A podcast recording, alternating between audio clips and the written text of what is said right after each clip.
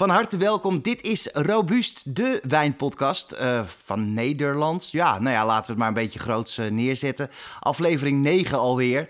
Uh, de datum dat we dit opnemen is 4 januari. Het is 2022. Je kan er natuurlijk ook over 10 jaar nog terugluisteren, maar dan toch en als je het precies over tien jaar terugluistert, is het net zo relevant. Het is vandaag een uh, belangrijke dag, 25 jaar geleden. In Friesland, uh, daar uh, was 25 jaar geleden op 4 juli de Elfstedentocht. De laatste Elfstedentocht van uh, van uh, Nederland. Ja, dit is alleen maar één. Nou, er is ook eentje ergens anders trouwens. Maar uh, waar gaat dit, dit, verhaal naartoe? Dit gaat naar William Dorrepaal. Zeg je het helemaal goed, hè? Ja, dat is namelijk mijn gast in deze negende podcast. hij weet alles van alcoholvrije wijn. Heeft daar lang zijn werk van gemaakt, maar gaat naar het noorden van Friesland om zijn droom te verwezenlijken. En dat is een bed and breakfast te beginnen in de buurt van Harlingen in het beroemde uh, Hitsum staat er. Wiljan, van harte welkom. Uh, wat fijn dat je er bent. Wat ga je daar doen in, in, in het noorden precies? Dankjewel, uh, Rutger. Uh, wat ga ik daar doen? Ik ga daar een bestaande B&B, bed and breakfast, overnemen. met daarbij ook een minicamping. En dat is inderdaad een uh, droom die al uh, vrij snel was gekomen. En daar uh, denk ik dat we dat ja, heel goed, daar ben ik van overtuigd, dat we dat daar heel goed neer gaan zetten. Super spannende stap. maar ik zei al, je hebt jarenlang in de alcoholvrije wijnwereld gewerkt. Um, je bent begonnen. nou ja, ik denk eigenlijk dat ik kan het gaan opzommen, maar je kan het het mooiste zelf vertellen. Waar is jouw alcoholvrije carrière begonnen? Nou, dat is hier dichtbij begonnen. Hè? Dat is begonnen al bij uh, De Goede Gooier, waar ik toen werkzaam was als sommelier. En uh, ook om gasten een glas alcoholvrij te kunnen schenken, die daar uh, ja, heel erg in geïnteresseerd waren. Want er was toen al een bewuste eh, gast die zei van nou laat mij maar een glaasje alcoholvrij drinken, want ik moet nog sporten of rijden of medicijnen gebruiken. Dus daar is het eigenlijk begonnen met de, de liefde, de aandacht voor alcoholvrij. En vanuit daar uh, ben ik uh, Lassours, of heb ik Lassours overgenomen en geloof ik in Lassours in dat opzicht van in het alcoholvrije wijnaspect. Ja, ik, ik, eh, hè, dat is in 2011 is dat uh, voor mij begonnen. La Source is in 2003 al begonnen. Dus toen was er al aandacht voor alcoholvrije wijn. Ik meen 2008, 2009 is het overgekocht door een grote speler in uh, Nederland, uh, Delta Wines. 2000, 2018. Oh, 18 jaar, ja, ja, ja. ja. Um, met, want jij schetst heel mooi dat verhaal. Een man bij de Goede Gooi die geïnteresseerd was in alcoholvrije wijn. Die kwam, kwam ik in die tijd nog niet zo heel veel tegen. Uh, en moet zeggen, de laatste ja, drie jaar is dat uh, exponentieel uh, gegroeid, de vraag in alcoholvrije wijn. Heb je ooit gedacht van, is dat dan een goede keuze geweest om het te verkopen? Of ben je er blij mee geweest met die stap? Ik ben er zeker blij mee geweest met die stap, omdat er vanaf dat moment een groter um, ja, uh, klanditie was, zeg maar. Je had zo'n groot portfolio aan, klanten die je kon bedienen in één keer. En dat kon ik als eenpitter, kon ik dat niet. Uh, ik kan me nog wel herinneren dat ik inderdaad met uh, mijn auto vol uh, bij de klanten langs reed om daar een paar doosjes af te leveren en dan weer hier een paar doosjes. En ook op zaterdagmorgen of middag hier bij jou in de winkel. in de oude winkel hier tegenover dan nog. Dat was een mooi winkeltje, schattig winkeltje. Um, laten we naar de basis teruggaan. Alcoholvrije wijn. Uh, ik weet dat er heel veel mensen, ik heb dat in de winkel vaak uh, meegemaakt, die uh, betitelen dat als druivensap. kan je me dan kort uitleggen, wat is nou het essentiële verschil tussen gewoon een pak druivensap uit de supermarkt en een fles alcoholvrije wijn?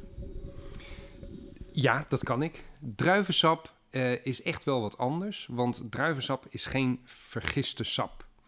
En alcoholvrije wijn is net zoals wijn vergiste druivensap. Dus uh, wanneer mag het wijn heten uh, als er een alcoholpercentage in zit tussen de 8,5 en de 15 procent? En dat heeft bijna nagenoeg alle wijnen al gehad. Hè, die alcoholvrije wijnen hebben een alcoholpercentage gehad. En dat is er later uitgegaan. Dus je merkt echt dat het eh, vergist is. En dat is alcoholvrije wijn, dat het geen druivensap is, wat niet vergist is en wat heel weeg van smaak is. Alcoholvrije wijn is echt vergiste druivensap. En ja, daar wordt ook wel weer eh, de smaakaroma's aan toegevoegd. Aan die alcoholvrije wijn worden wel weer smaakaroma's toegevoegd om nog meer die wijnbeleving te krijgen. En hoe worden die uh, smaakaroma's toegevoegd? Is dat met een poedertje?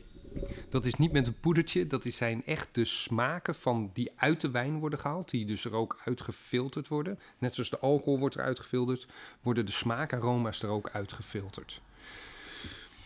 Ik begin altijd met een, uh, een cadeautje te geven. Nou, is alweer, we zijn alweer een eentje op weg. Maar er is een, uh, nou ja, laat ik het zeggen, een goede kennis van mij. Die is een eigen bedrijf uh, begonnen.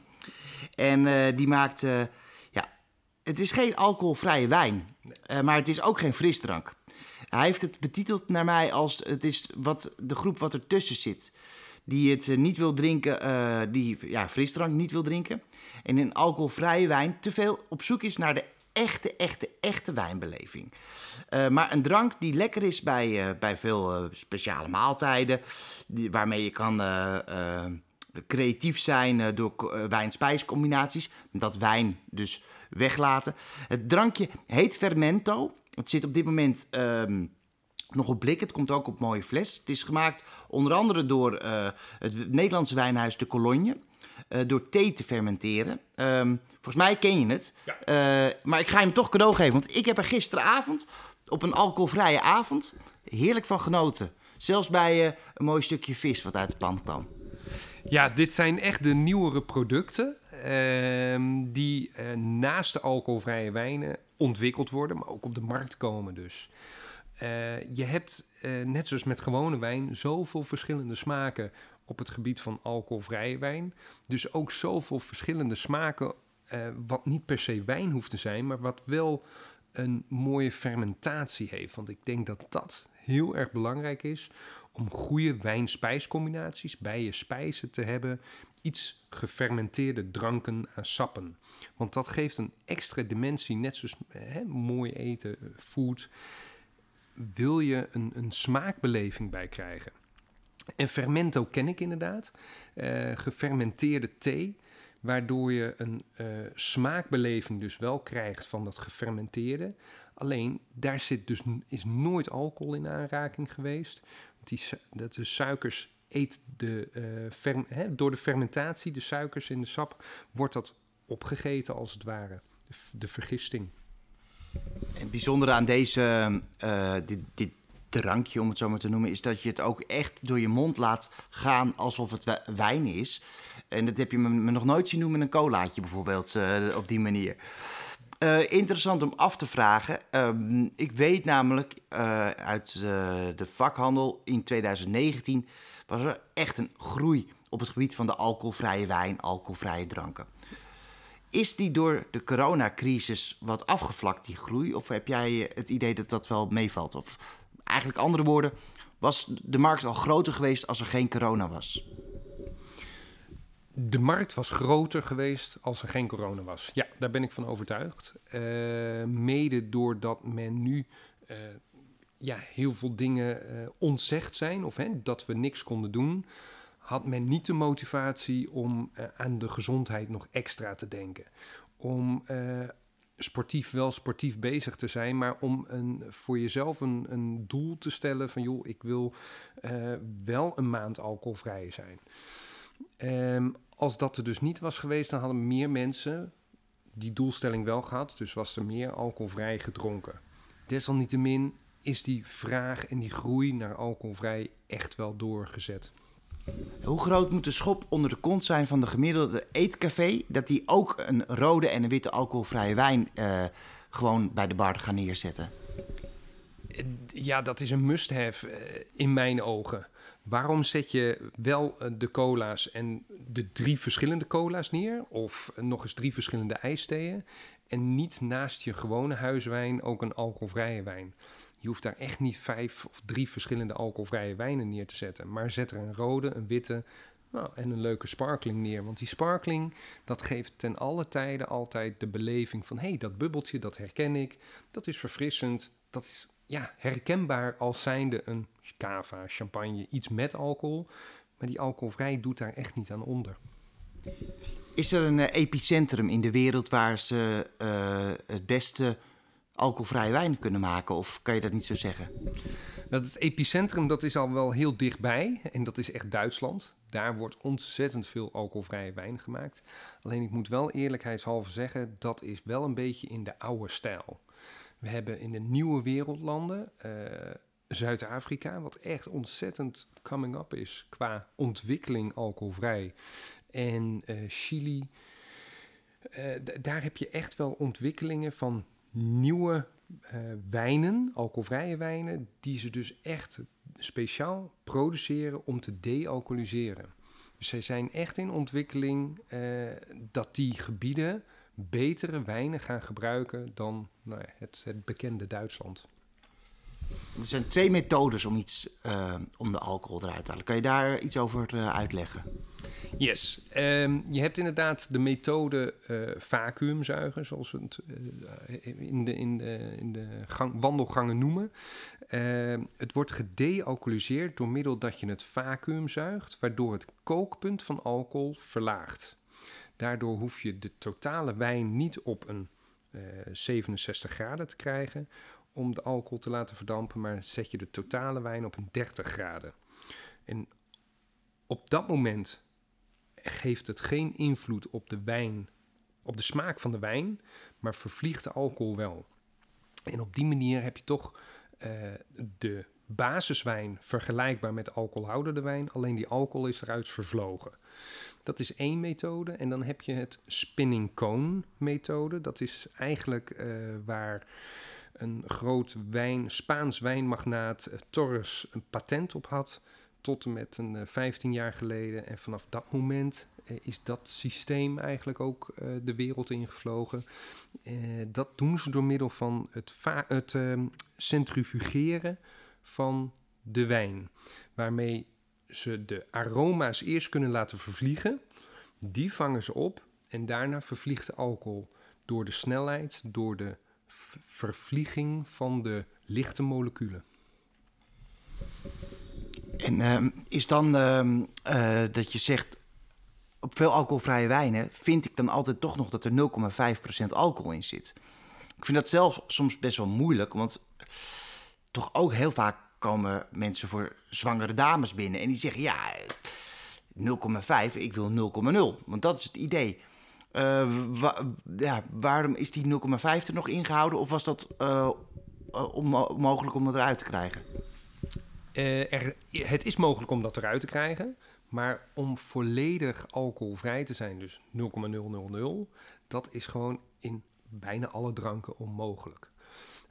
om alcohol, hè, op alcoholvrije wijn denken we altijd van, oh, maar daar heeft alcohol in gezeten. Wat zit er nu in? Daar kunnen inderdaad nog sporen van alcohol in zitten. 0,02, 0,2. Dat kan allebei. Um, om dat geheel eruit te krijgen, dan krijg je een echt nog dunnere wijn over het algemeen.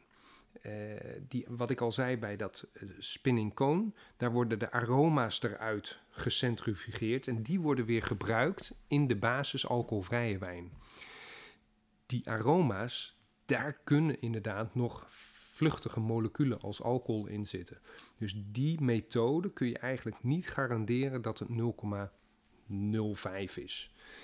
Uh, maar 0, daarom zeggen ze 0,5 maximaal. Want dat is voor de wet gezien alcoholvrij. Alles onder de 0,5. Laten we niet uh, uh, een rechtszaak aan onze broek krijgen. Dus het is niet dat wij het zeggen. Maar ik denk dat je als zwangere dame gerust een paar glazen alcoholvrij wijn met 0,5% kan drinken. Denk je ook niet? Dat ben ik ook van mening. want we zijn ons echt wel bewust wat we drinken. En dat is ook ontzettend belangrijk. Maar die verse jus d'orange die ochtends lekker geperst wordt en eventjes 10 minuten staat, ontstaat ook een gisting in. Want het is allemaal vers fruit wat zuurstof krijgt. Uh, in, de, in andere sappen, een rijpe banaan, zit ook minimaal aan alcohol. Alleen dat moet je wel weten en daardoor uh, zou je dat misschien wel sneller eten of niet sneller eten. moet de, de, de, ware alcoholist moet dit niet horen. Die gaat gewoon appelsientje een paar eh, weken in de koelkast laten staan. Of ja, buiten de koelkast, dat is beter. Um, ja, kijk, alcoholvrije wijnen. Uh, je had ook in je assortiment, had, moet ik inmiddels zeggen, alcoholvrije gin. Hoe is de populariteit daarvan in Nederland? Gin uh, is als alcoholvrij, hè, alcoholhoudend is gin natuurlijk heel erg groeiende. En daarin zie je ook dat alcoholvrij daarin stijgt. Waarom? Omdat je gewoon diezelfde beleving wilt hebben. Je drinkt gezellig met elkaar een glas op eh, al is het een tuinfeest of al is het gewoon in de kroeg als dat weer kan. Maar dat gewoon bij de mensen thuis. En er zijn er altijd wel een paar die niet willen of kunnen drinken. En waarom zou je dat dan in een leuk wijnglas, uh, ja, een, een, cola doen of een Fanta of nou ja, suikerhoudende dranken? En die gins, dat is echt ook gedestilleerd. Daarmee heb je hetzelfde als een alcoholhoudende gin, alleen zonder nog de alcohol, dus ook nog minder calorieën in die alcoholvrije gin. Heb je ook niet het gevoel gehad in de afgelopen tien jaar dat je in de eerste jaren continu de mensen moest overtuigen en ook zeggen: ja, het, hoeft niet met alcohol. En dat de laatste jaren veel uh, makkelijker is geworden en dat mensen begrijpen. Ik heb het zelf ook, dat ik bij een lunch heel graag alcoholvrij wil drinken. Ik wil soms even scherp eh, blijven. En, um, uh, en natuurlijk de opkomst van bier heeft daar misschien ook bij geholpen opkomst van bier heeft er heel sterk bij geholpen. Dat dat geaccepteerd werd dat je alcoholvrij dronk. Uh, welk moment dan ook. En op het moment dat dat dan wijnmoment is, oh ja, dan drink ik maar toch weer een glaasje wijn mee. Terwijl je dat eigenlijk, sommigen in ieder geval, daar helemaal geen behoefte aan hebben.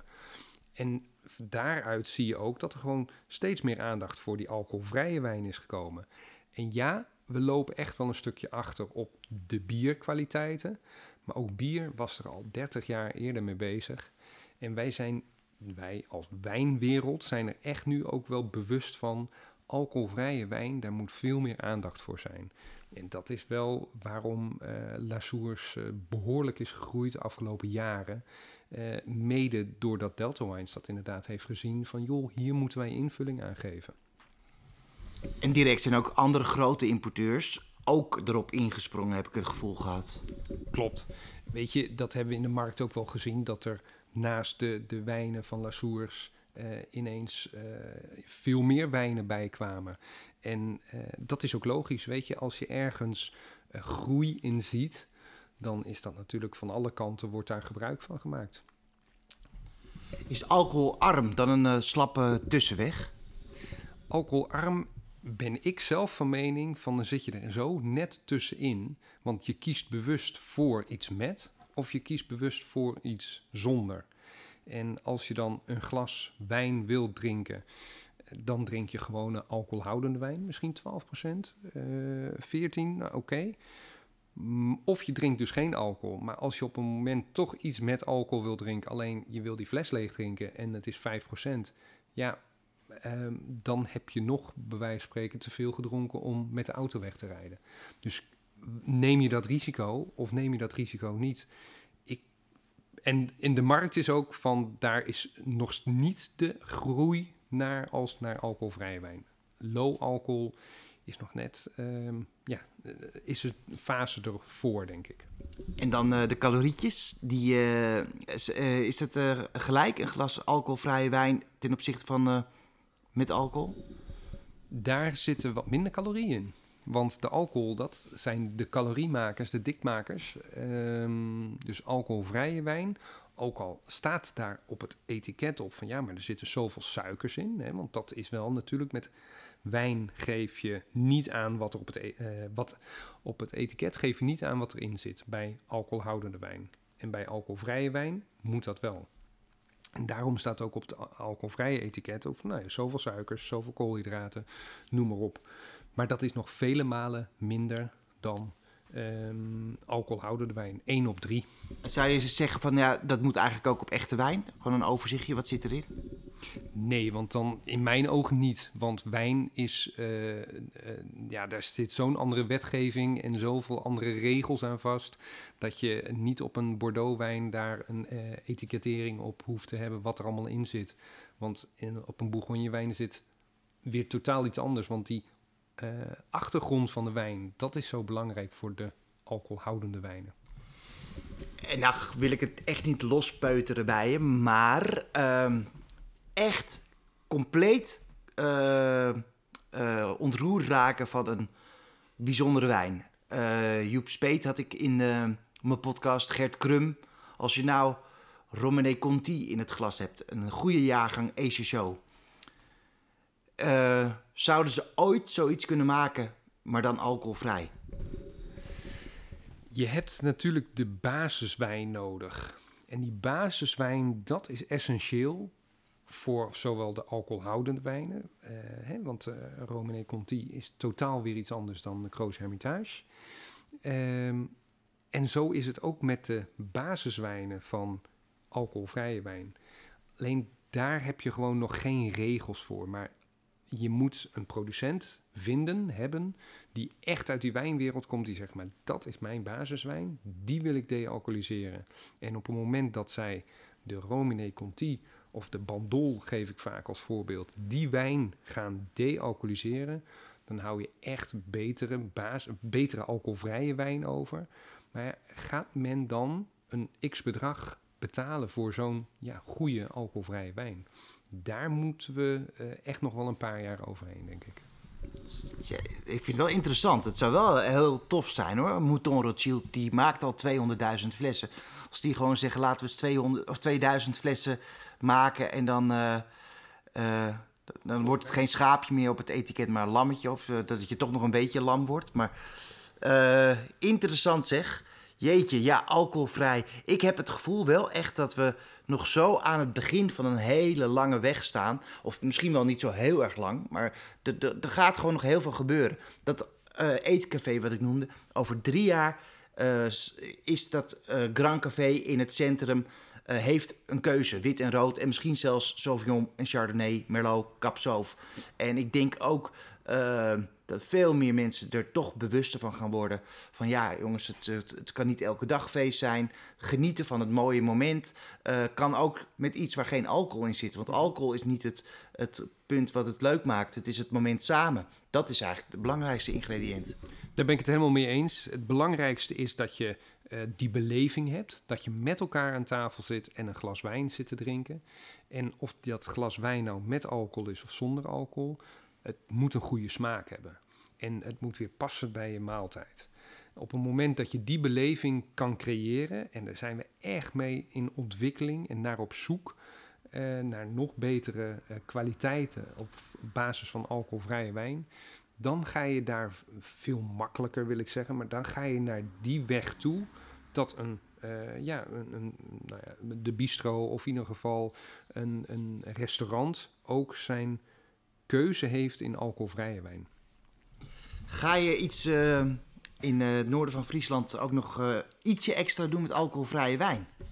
Jazeker, daar zal ik ook alcoholvrije wijn uh, schenken en uh, hebben staan. Maar ook wel alcoholhoudend. Weet je, het, het is niet dat je uh, geheel onthouder hoeft of moet zijn. het belangrijkste is dat je van een glas wijn kan genieten.